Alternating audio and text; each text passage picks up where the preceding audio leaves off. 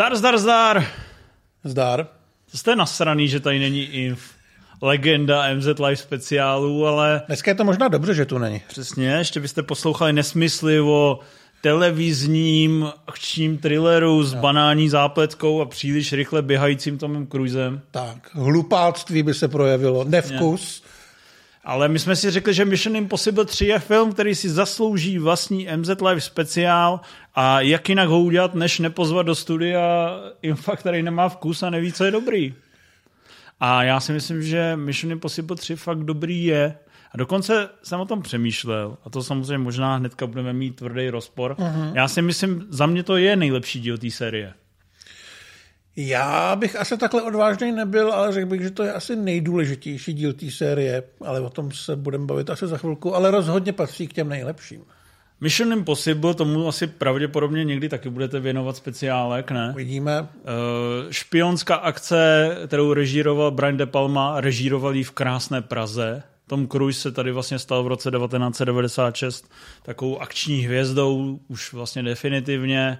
Byla to mezinárodní koprodukce, hrozně očekávaný, ale vlastně i komerčně úspěšný návrat k šedesátkovému eh, seriálu. Možná spíš znáte seriál z 80. let, který běžel i u nás pod názvem Nulová šance, což byl takový polorestart, polosequel. Agentské dobrodružství, eh, tajné nahrávky, fejkové masky, vlastně velký epický akční scény, a Brian De Palma tomu dal takovou tu Hitchcockovskou stylovost v těch 90. Na druhou stranu já jsem to viděl vlastně zrovna před třema dnama, je to prostě takový cheesy, ty zápletky tam jsou takový divný, ale je tam spousta hezkých momentů, vizuálně lákavých, kde se nedivím, že se to v těch devadesátkách stalo tím velkým kinohitem a zacementovalo to Cruise v té první lize.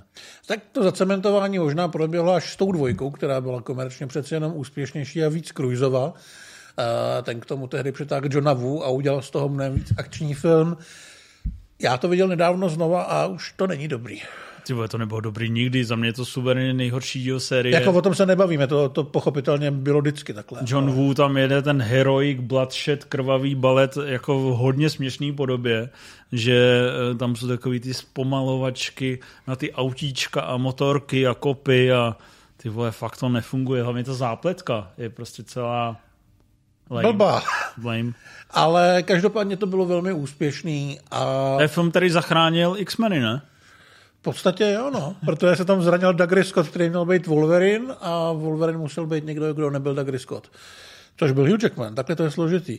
Ale byl to každopádně velký úspěch a bylo to v roce 2000 a studio hrozně chtělo tu sérii dojit a dojit a dojit, takže doufalo, že by trojka mohla vzniknout už o dva roky později. To bylo 2004, by to vycházelo, ne? Nebo... 2002 už chtěli dokonce trojku, ale Tom Cruise právě řekl, že nechce, že nechce eh, tím Ethanem Huntem a tou sérií přesytit ty diváky. Asi už tehdy tušil, že tohle bude ta jeho série, se kterou bych chtěl vydržet nějakou další dobu. Řekl to samý, co můj instruktor autoškoly. Kam spícháš? Když jsem měl 51 km hodině po městě. Dobře, pardon. Uh, řekl si, kvalita, on to vlastně už bral tehdy jako takovou tu svoji osobní, Určitě. takovou tu sérii, která ho vlastně dělá. A Což proto, se projevilo i během přípravní trojky několikrát velký, velmi brutálně, dá se říct. Proto si řekl, že nikam nebude spíchat a výsledkem bylo, že Mission Impossible 3 vlastně spatřilo světlo světa až v roce 2006 po šílených peripetích preprodukčních a několikré změně štábu, vize, obsazení, ale je vlastně já jsem nakonec spokojený, protože dobrý tvůrce natočil dobrý film. Přesně tak. Ale těch dobrých tvůrců se kolem toho motala velká spousta. Úplně v počátku se pracovalo třeba s uh, ideou, že by mohl režírovat Enklí že by to byl prequel jedničky, takže jsem měl vrátit třeba Emilio Estevez, který v jednici umřel, a že záporák bude ničit sedm divů světa, což zní hloupě. Zní to hloupě, na druhou stranu Englí měl za sebou v roce 2001 Tigra a drak, obrovský hit eh, celosvětový, film, který nelze spochybňovat jako po té režijní stránce vlastně z žádné perspektivy, takže chápu, že ho eh, vlastně Cruise i jako hlavní producent s, s Paulou Wagner, že ho chtěl oslovit. On totiž funguje v téhle sérii, že opravdu vlastně sedí v tom svém karavanu většinou na natáčení nějaký toho Top Gun 2 nebo Hrdinové a zbabělci nebo co to ještě natočil Tom Cruise? Magnolie. Sedí v tom svém karavanu a říká si, jaká hvězda by mi mohla zrežírovat další díl Mission Impossible. Takhle to opravdu funguje. Takhle to ale opravdu funguje, ale až na ten čtvrtý pokus, respektive třetí. Enklí byla spíš taková nějaká, spíš to byl nápad, a reálně se pracovalo až s nápadem, že by mohl točit David Fincher, což je samozřejmě strašně skvělá volba na papíře. Je to režisér s osobitým stylem a vizuálem, takže by se to lišilo od jedničky a dvojky. Ale taky je to režisér, který, když se spalil u Vetřelce 3, tak od té doby velmi nerad dělá kompromisy a prostě buď se bude pracovat s jeho vizí, anebo s jinou. Ale to v tom případě s jiným režisérem. Takže tady došlo právě na ty třenice mezi Fincherem a producenty, což byl v tomto případě Cruise a Paula Wagner. A David Fincher odešel, vyloženě k tomu potom řekl, že eh, byl vlastně režisér u filmu, u kterého už někdo předem věděl, jak chce, aby vypadal a jaký byl a že tam nebyl úplně prostor pro nějaký nápady, takže to nebylo pro něj. David Fincher měl v té době za sebou právě klub rváčů sedm hru, to znamená, tehdy to byl vlastně můj nejoblíbenější režisér a já si pamatuju, že už jsme tehdy psali na Movie novinky Mission Impossible bude, bude tam David Fincher, pro mě to byl úplně vlhký sen. To chápu. Takže eh, já jsem si musel prožít během té produkce několikeré zklamání a eh, mě to vlastně furt mrzí, že Fincher to tehdy nenatočil. Na druhou stranu... To dopadlo si, dobře, ne? Myslím si, že je z toho cítit právě to, že tam opravdu seš ten vykonavatel, že to není jako, že máš autorskou vizi a řekneš Cruiseovi, chtěl bych to takhle, prostě seš jeho štětka vlastně trošku. Asi tak, no, ale Fincher měl docela zajímavý nápad. Já se vlastně nedivím, že to nevyšlo, protože to zní na papíře docela drsně. Mělo se to odehrávat v Africe a točit se to kolem obchodníků s lidskými orgány. Takže by to bylo asi poměrně dost temný a drsný, i kdyby to bylo PG-13. A Fincher dokonce zvažoval, že by hlavního záporáka hrál Stallone, což by podle mě bylo docela zajímavý v této době. A, ale nevyšlo to, takže musel přijít někdo jiný a místo něj nastoupil Joe Kernahan, který nám vlastně taky dělal radost. No to byl volba, kterou ty jsi měl, myslím, hodně na ty jsi zrovna adoroval po... Narkotika. Narkotika? On měl, on měl za sebou jenom narkotika, malý, velmi dobrý krimi thriller. Ty jsi na ty DVDBčka. Přesně tak. A tohle je jedno z těch lepších DVDBček. To je jedno z těch nejlepších. Je to velmi dobrý film. A Kernahan je, jak se později ukázalo, vlastně stejná natura jako Fincher, taky opustil spoustu velkých projektů kvůli tomu, že tam nemohl být hlavní slovo. Tady u toho zůstal 15 měsíců a pak zjistil, že by byl ten nádeník a že se mu do toho taky nechce. Eh, zpětně nějak říkal, že eh, byl vlastně ve stejné pozici jako Josh Trank, který dělal fantastickou čtyřku že to byl vlastně malý nezávislák, který se dostal k velkému projektu za desítky milionů a přerostl mu to přes hlavu. Akorát on na rozdíl od Strenka stihl včas utíct, než by to skurvil a skurvil by si kariéru. Ale po 15 měsících toho po něm zůstalo dost. Zůstal po něm nový scénář, zůstalo po něm obsazení, měl tam být zápora Kenneth Branagh, Měla se tam objevit Scarlett Johansson a dokonce... Což je mimochodem vtipný, když se díváš na ten film, tak vlastně vidíš ty role, které pak by jako hrály. Jo, Scarlett Johansson měla vyloženě hrát tu roli, kterou potom měla Kerry Russell a měla tam být Kerry Ann Moss. Tu tam teda nevidíte, ale to je vlastně role, kterou původně tvůrci nabízeli Tandy Newton, což byla hlavní ženská role z dvojky, oni chtěli, aby se vrátila. Ona neměla zájem, že chtěla trávit víc času s rodinou, a tak byla přepsaná pro Carrie Moss a později byla úplně vyškrtnutá, že byla naprosto k ničemu ta postava vlastně. Ale herci se rozběhli pryč, stejně takhle zmizel třeba i Ricky Gervais, který měl vlastně hrát tu roli, kterou nakonec dostal Simon Peck. Benji. Benji, no. Ale, ale, ale mimochodem mně přijde fajn, že ten D. Newton tam není. Mně taky. Mně vlastně ta její romance právě tím, jak byla Johnem Wu podaná, tak jako s tím vším balastem a patosem, tak mě vlastně hrozně sralo. A hlavně v té trojice velmi dobře funguje ta civilní rovina toho Etna Hunta, který tam vlastně už je v tom agentském důchodu a má manželku, přes kterou tají tu svoji, tu svoji skutečnou profesi, i když už není v terénu. To si ještě projdem, to si projdem. To si ještě projdem. Ale prostě po 15 měsících eh, se vlastně všechno vrátilo na začátek a průběžně se všichni tyhle herci rozutekli jiným, k jiným projektům, protože neměli čas. Jenom ještě asi nutný říct, že Možná tam měl být vlastně jiný záporák, než nakonec byl, protože Kenneth Branagh měl hrát někoho, kdo byl inspirovaný teroristou, který se jmenoval Timothy McVeigh, nebo V, nevím, jak se to čte, který odpálil v Oklahomě barák se 168 lidma. Byl to vlastně největší teroristický útok eh, na území Ameriky před 11. zářím. Ale... Pak z toho vzniklo miluj bližního svého. Něco takového. ne, nakonec jsme dostali obchodníka se zbraněma, který byl ale taky zlej. Mě tam ten Kenneth Branagh právě nesedí. Zvlášť, já ho nemám rád, já ho nemám rád jako v rolích záporáků, mě nebaví. Po Tenet, kdy byl vlastně takovou slabinou, bych řekl tak si myslím, že je super, že tam byl Philip Seymour Hoffman, který právě byl na vrcholu toho potravního hollywoodského řetězce. Měl zrovna, myslím, čerstvě v kapse Oscara za Capultýho, jestli se nepletu. A hezky tam fungoval Hlavně ten fyzický, fyzický kontrast, že bylo vidět, že na něj zkrátka nemá co se týče nějaký té tý bitky, jako třeba ten Doug Scott ve dvojce, ale že má, uh, že má Fištrona pod čepicí. No, když už to, jsme to teda nakousli, kouzlo toho Mission Impossible 3 je v tom, že J.J. Abrams, ke kterému dojdeme, on právě jel to hodně v takový ty fanouškovský rovině, jako koukám se na akční filmy a na akční thrillery a vím, co se lidem líbí, vím, co se líbí mně a budu to do těch lidí prát. To znamená, že všichni víme, že záporáci, kteří jsou takový jako urputný, neústupný, který jsou osobní, že hrozně fungují. A tady to vlastně bylo od první ukázky, že první ukázka byl, že Filip Seymour Hoffman jako čumí na toho Cruise a říká, ty vole, najdu tvoji holku, najdu tvoji manželku, dostaneš kouř, že se z toho posereš. Takový ten jokerovský, víš co, že tě prostě vojebe. A tahle práce s tím záporákem je vlastně věc, která Mission Impossible 3 strašně prospívá a strašně sluší. Že on je vlastně takový ten fakt zmrt, který jde strašně tvrdě do toho Etna Hunta a od začátku to dělá strašně osobní, eh, nekompromisní a říká, ty chlapče budeš trpět a samozřejmě, že se mu to docela daří. Jo, jo, bylo to hezký. Ještě teda Branak jako záporák, ty jsi říkal, že tě nebavil v tené, to mě taky ne, ale podle mě je na tyhle role jednoduše špatný. I v Jacku Ryanovi byl příšerný a to si ho sám režíroval, takže díky bohu za to, že to nedopadlo. No ale zase nebyl režisér, nebyli herci a muselo se začít hledat znova a Tom Cruise naštěstí proseděl celý víkend v karavanu a nakoukal první dvě řady Aliasu a řekl si, ten člověk, co to dělal, ten J.J. Abrams, který ho nikdo nezná, ten má taky počepicí. Tomu bychom to mohli zkusit nabídnout.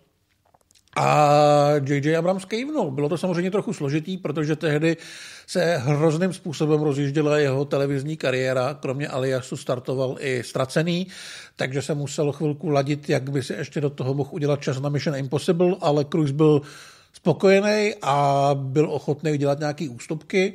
Abrams si sebou přitáhl i oba svoje scenáristy Aliasu, eh, Roberta Orsiho a Alexe Kurzmana. Takže tady, Partu, která pak dělala Star Trek. Tak, ale takže tady logicky nedošlo na ty problémy, který potom musel řešit, nebo předtím řešit Fincher s Carnahanem. Cruise dostal lidi, který měl rád a jejich práce se mu líbila a oni dostali peníze. Tam si podle mě všichni jako velmi jasně vymezili, co chtějí dělat a shodli se na tom, že chtějí dělat to samý. A Uh, Mission Impossible 3 do značné míry minimálně vypravěcky připomíná ten Alias, už jenom třeba tím, že vlastně začíná v půlce. Je to takový televizní. Je to takový televizní, ne? Uh... ne zač, začíná v půlce podobně jako epizody Alias, kde mě vždycky bavilo to, že to nebylo těch 45 minut začátek, prostředek, konec, ale bylo to o 20 minut posunutý a vlastně ta mise... Vtáhne to do prostě ta, ta mise končila v půlce dílu a pak začala další, takže na konci dílu málo kdy byl konec eh, děje. Hmm. A takhle funguje vlastně i ta Mission Impossible a funguje to skvěle. Teďka řeknu něco, co bude vlastně hrozně rozporuplný, ale ty mě budeš asi chápat. Jo. Uvidíme. J.J. Abrams je stál vlastně na, na startu, na zro, u zrodu toho quality TV, jak to dneska známe. Alias a Lost byly velký televizní fenomény, které pomohly nastartovat tu televizní výrobu eh, do podoby, jakou ji dneska známe. To znamená, je to nepochybně eh, výjimečný tvůrce, hrozně šikovný. Na druhou stranu, film pro něj byl zjevně v té době ještě vyšší meta, To znamená, proto se takhle přešaltroval, že udělal Mission Impossible 3 a Star Trek. Mission Impossible 3 je mimochodem nejdražší debit uh, tvůrce tady tohodle uh, vlastně ranku, který byl v televizi a najednou dostal štaci u, u filmu uh, té své doby. My víme, že z většiny to nefunguje, že když třeba jak jsme, Aaron Taylor, ne, Alan Taylor? Alan Taylor mě napadl Otto Badhurst, protože no. má fakt blbý jméno a dělal toho Robina mě, Hooda posledního. Mě Otto Badhurst vždycky zní jako, že někdo... Je to zní jak nějaký německý pornoherec. Že tě bolí prdel. Ano, Badhurst, ano. uh, a Alan Taylor dělal Thor 2, to znamená, to byl režisér uh, Hry o trůny a tam přesně vidíte, že ty skills úplně nestačí. Ale u J.J. Abramse ty skills stačily. A on opravdu vzal to svoje know-how, to znamená to, že jde plní ty fanouškovský přání, jde tvrdě do akce, dělá v tam, on vlastně pracuje s každou tou scénou, když se na ten film dneska podíváte na Mission Impossible 3, tak budete překvapený, jak skvělý má rytmus, jak eh, ti tam fakt plní takový ty fantazie, to znamená interakce hrdinů, ona se ho zeptá, kolik máš nábojů, on řekne dost, zatváří se u toho prostě hrozně odhodlaně a pak vystřelí jednu kulku do toho záporáka, řekla, řekne, dojde, došly mi náboje. To znamená, jsou tam takový ty přesně ty momenty, kdy chcete, aby ten motherfucker... Ty wow momenty tam jsou. To, to, to, to všechno vykydlil, takže to je vlastně hrozně pěkný na tom a je to vlastně šikovný tvůrce. Ale zároveň se přiznám, že Alias a pak ještě Tupem Lost pro mě definovali takový ty důvody, proč se na ty seriály vlastně nekoukám že to vlastně natahovaný, lost, že jo, jako nechci se čtyři sezony dívat na něco, co mi nakon v posledním díle ukáže víc otázek než odpovědí. Prostě je to takový ten palič času. To ale neznamená, že J.J. Abrams není svým způsobem genius, který ví, jak namotat diváka a co mu dát, aby on byl spokojený.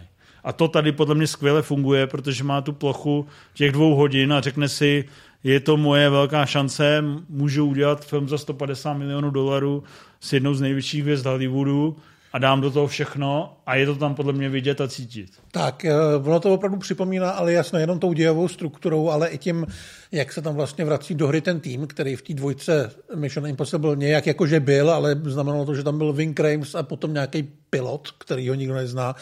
Tady se to vracelo trošku k těm kořenům, ale je taky sice seriál od Jennifer Garner, ale vždycky tam je nějaký tým, vždycky tam jsou nějaký lidi, kteří musí dělat nějaký, nějaký věci okolo, což si myslím, že tady tomu hodně prospělo. A mě tam hrozně baví takový ty jeho hrátky typu, že tam nevidíš tu akční scénu v tom rakodrapu a podobné věci, které na svou dobu byly hodně odvážné ale... Nebo se honíš za králičí packou a Přesně nevíš, tak. co to králičí packa je. Je to prostě megafin, který si myslíš, že v půlce ti řeknou, co to je a ty se to vlastně nedozvíš dodnes. Tak, no.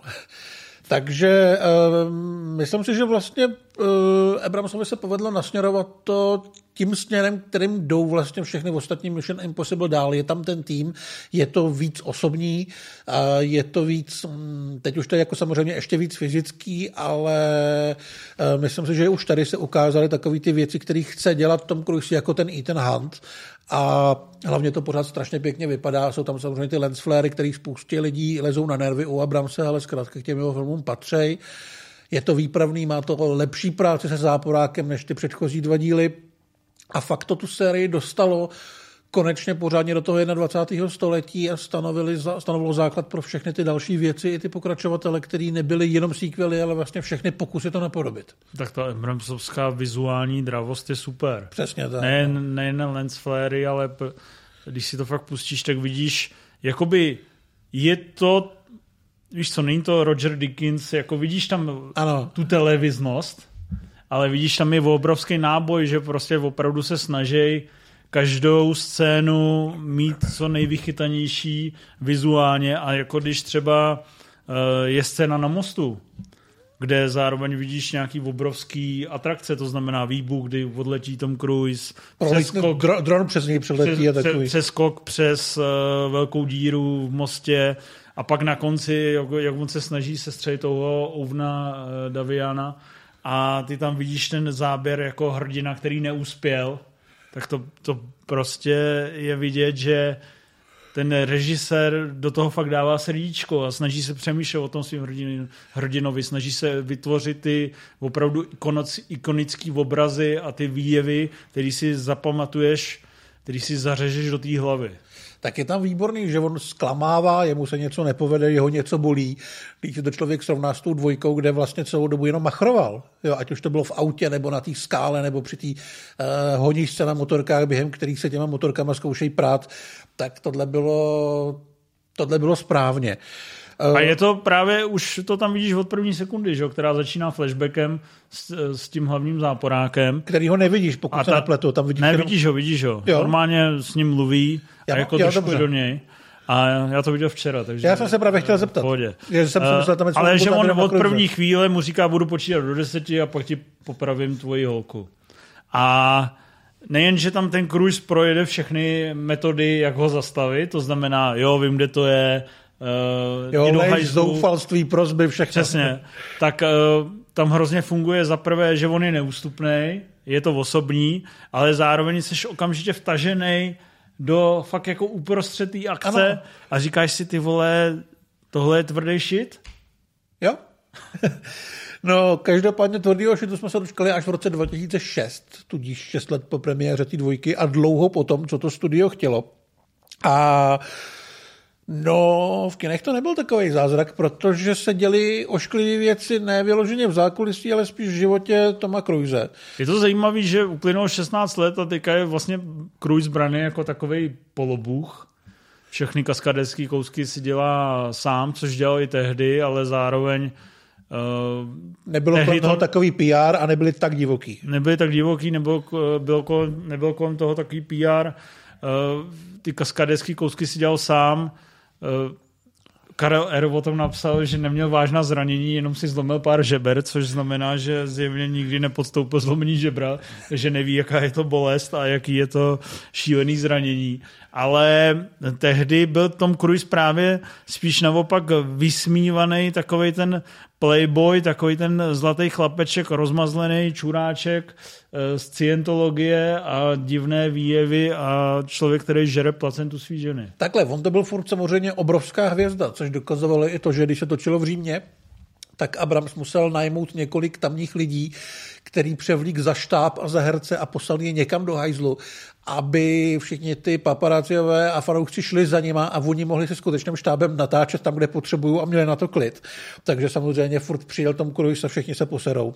Tak jak to vlastně platí do dneška. Měl za sebou filmy jako Minority Report nebo Válka světů, to znamená velký tak. hollywoodský produkce s velkýma výdělkama, ale asi bychom ho nikdo nedali mezi naše tři nejoblíbenější herce tehdy, nebo pět? Asi ne, jako mezi deset jo, ale mezi tři určitě ne. Ale ty problémy přišly vlastně potom. Poprvé se to objevilo, když žádal o ruku, nebo když vyznal lásku Katie Holmes, se kterou teda dlouho nevydržel, v talk show Oprah Winfrey, což byla záležitost, kterou podle mě řešil úplně každý, i lidi, co neměli internet. A Daleko za hranou Tak. Začal se tam smát, jak kdyby byl na drogách, skákat po gaučích, dělat bordel a fakt to nebylo rostomilý. bylo to fakt divný. Bylo to tak divný, až to bylo parodovaný ve Scary Movie tak. jedna? Ty nevím, v jakém díle, to už, to už netuším. Každopádně to bylo tak parodovaný, že tam face zláme ruce a chová se jako úplný magor. Tak no, bylo to vlastně docela trapný. Ale vlastně to bylo spíš takový nějaký jako public stand teoreticky, se, nebo tak se to dalo využít, kdyby se snažili, ale větší průser byl, že Cruise se rozhádal se společností Viacom, pod kterou patří i Paramount, kde vlastně vznikala Mission Impossible 3. Protože sem patří i uh, televizní, uh, televizní kanál Comedy Central, kde běží South Park. A v South Parku udělali epizodu, já to tady, tady mám napsaný, Trapped in the Closet. Já se to pamatuju. Je to Tom Cruise, který nechce vylít ze skříně jednoho z těch hrdinů, ale samozřejmě Trapped in the Closet znamená, že Tom Cruise je podle nich pravděpodobně homosexuál, akorát si to nechce přiznat a proto točí tak lepský filmy. A Cruise si to vzal trošku osobně, a vyloženě řekl, že pokud se ta epizoda, která byla trošku starší, bude reprízovat, tak on se nezúčastní vůbec žádných PR aktivit k Mission Impossible 3, což bylo docela odvážný vzhledem k tomu, že jako producent to musel mít velký prachy. A Trošku se tam teda všichni takhle rozhádali a pak došlo i na to, že v South Parku je epizoda, která si dělá legraci ze Scientologie a on jako velký Scientolog uh, údajně se pokoušel zatahat za nějaký nitky a z, úplně ji zrušit. Vyloženě tam byly nějaké obvinění z cenzury a podobně. On se později vyjádřil v tom smyslu, že to vlastně nebyla pravda, že nemá úplně co zřešit, co o něm kdo říká, že točí filmy a tyhle ty věci ho moc nezajímají. Ale ať už to byla pravda, nebo to byly drby, neudělalo mu to zrovna dobrou pověst a vlastně spousta lidí... Dělalo mu to čuráckou pověst. Dělalo mu to čuráckou pověst a spousta lidí vyloženě řekla, že chce bojkotovat jeho kariéru a Mission Impossible 3, která nakonec udělala v kinech nějakých 400 milionů. Byl to osmý nejvýdělečnější film roku. Ale dvojka jich udělala 560. No, ale já se hlavně pamatuju, že se od toho čekalo vlastně víc. Byl to Samozřejmě jeden z těch velkých blockbusterů od prvního Super Bowl spotu promovaný jako událost léta. Řešilo se samozřejmě, že uběhlo 6 let, že ta série možná už ztratila to svoje, to svoje kouzlo nebo ten, ten zájem těch... A jako ne, že by lidi nepřišli, ale nebylo to úplně ten velký vehikl toho léta, to, co vlastně očekáváme teďka od Mission Impossible 7 třeba. Tak. A nebo co jsme viděli u Top Gun bylo to takový s lehkými rozpaky, ale já si myslím, že ten film je furt super. A vlastně mě zajímá, jestli teda sežral tu placentu nebo ne. To teda nevím, no, ale to zkusíme pak dohledat. Každopádně, co se, co se týče té tý, tý PR kampaně, tak kromě bytek s autonama South Parku tam byly ještě další veselé věci. Paramount si pronajal 4,5 tisíce takových těch automatů na noviny, které byly po všech velkých městech a ty měli náhodně přehrávat eh, tu slavnou ústřední melodii z Mission Impossible, ale nějak se to blbě nainstalovalo a často to buď nefungovalo, nebo se to nepřehrávalo celý, a nebo se to přehrávalo pořád, a nebo to najednou začalo vydávat noviny eh, bez toho, že by do toho kdokoliv hodil peníze. A dokonce to došlo tak daleko, že Uh, policie získala, nebo policii volalo několik lidí s tím, že ty věci se zbláznily že v tom je možná bomba. Takže to taky asi nebylo úplně hezké. Mimochodem, víš, kdo tomu udělal tu titulní song? K trojce? Kanye West? Jo. Uh, k jednice přehráli tu ústřední melodii uh, YouTube? Dva, dva z YouTube, Larry Malena a Adam Clayton.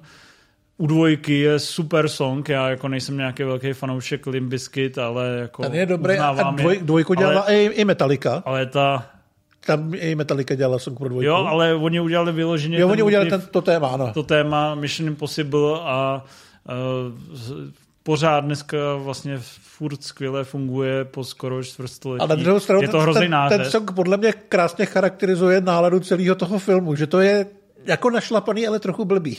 No, to nevím, ale eh, já jsem se hrozně těšil na song té trojky, Tady právě měl udělat Kanye West, který byl tehdy uh, normální a šikovný. Na vrcholu sil.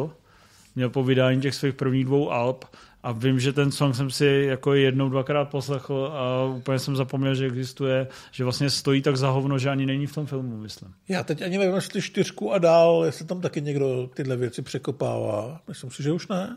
No, každopádně uh, jinak, když, když odhlídnu od toho songu a od PR aktivit, uh, Toma Cruise, tak ten film je prostě našlapaný a funguje furt skvěle. Jsou tam prostě vtipný momenty, jsou tam napínavý momenty, jsou tam parádní akční scény, které mají ten náboj i dneska. Je to opravdu výborně do, dočuknutý, co se týče hereckého obsazení a využití všech těch postav v rámci toho vyprávění a v rámci těch akčních atrakcí skvělý záporák, to je vždycky, vždycky dobrý, když to tam máte a přesně ty osobní konflikty a uh, jak se tomu říká, um, s, s, klání, střety s hlavním hrdinou, který tam opravdu takhle najel na tu křivku nahoru a začal se stávat jedním z nejvíc akčním hrdinou své doby.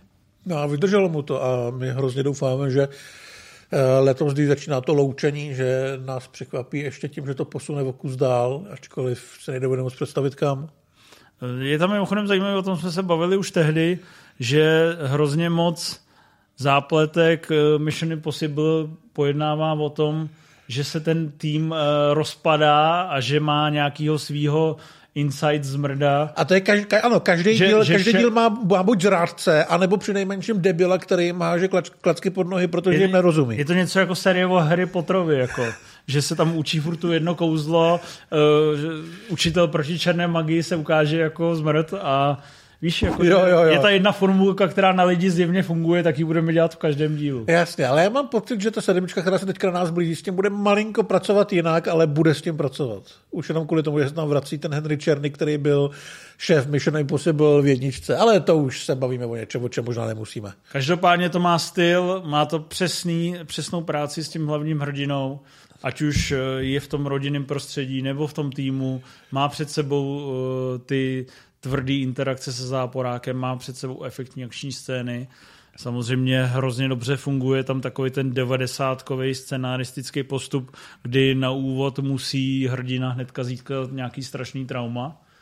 Je tam taková vlastně bolestivá smrt hnedka v, v ne úvodní, ale druhý, respektive třetí scéně s vrtulníkama.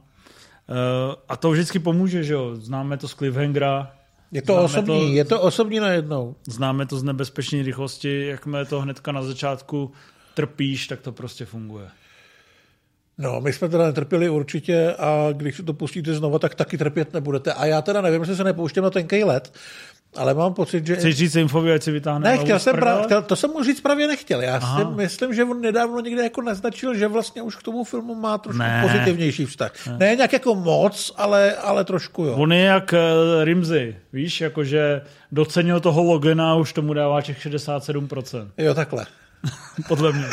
Ale Info jako, když odhlíneš od svého zaujetí a od svých, jako, že na tom chceš trvat, tak když pominu, že je to lepší než film Zdrojový kód, který musí dát 10 z 10, po čemž jako to zamotávám už úplně, tak ten film je prostě skvělej. A v rámci série patří dobře, někdo se si myslí, že ne na top 1, ale do top 3 určitě má to prostě ten správný náboj a Abrams tady ukázal, že je opravdu jedním z nejtalentovanějších tvůrců své generace a že je to právě ten tvůrce, který má na to zrestartovat Star Trek, má na to zrestartovat Star Wars, že ví, jak pracovat s tím divákem, jak pracovat ví, ví, co ten divák chce. s tím žánrem a jak přesně mu takhle drbat ty koule a dělat mu dobře.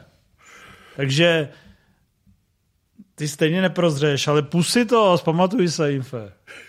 No, mám pravdu, ne? No máš pravdu, no, ale já už ho nechci přesvědčovat a vás ostatní snad přesvědčovat nemusíme. Puste si Mission Impossible 3, puste si všechny ty povedený díly, které k tomu patří. To puste znamená... si ty nepovedený. I ty nepovedený jsou vlastně Že si mají pohodě. pustit Mission Impossible 1 a 6 teďka. Jo, já mám pocit, že tenhle týden nebo minulý týden přibyly všechny díly, krom posledního na HBO. No kde si myslíš, že jsem to viděl? No na HBO samozřejmě. No.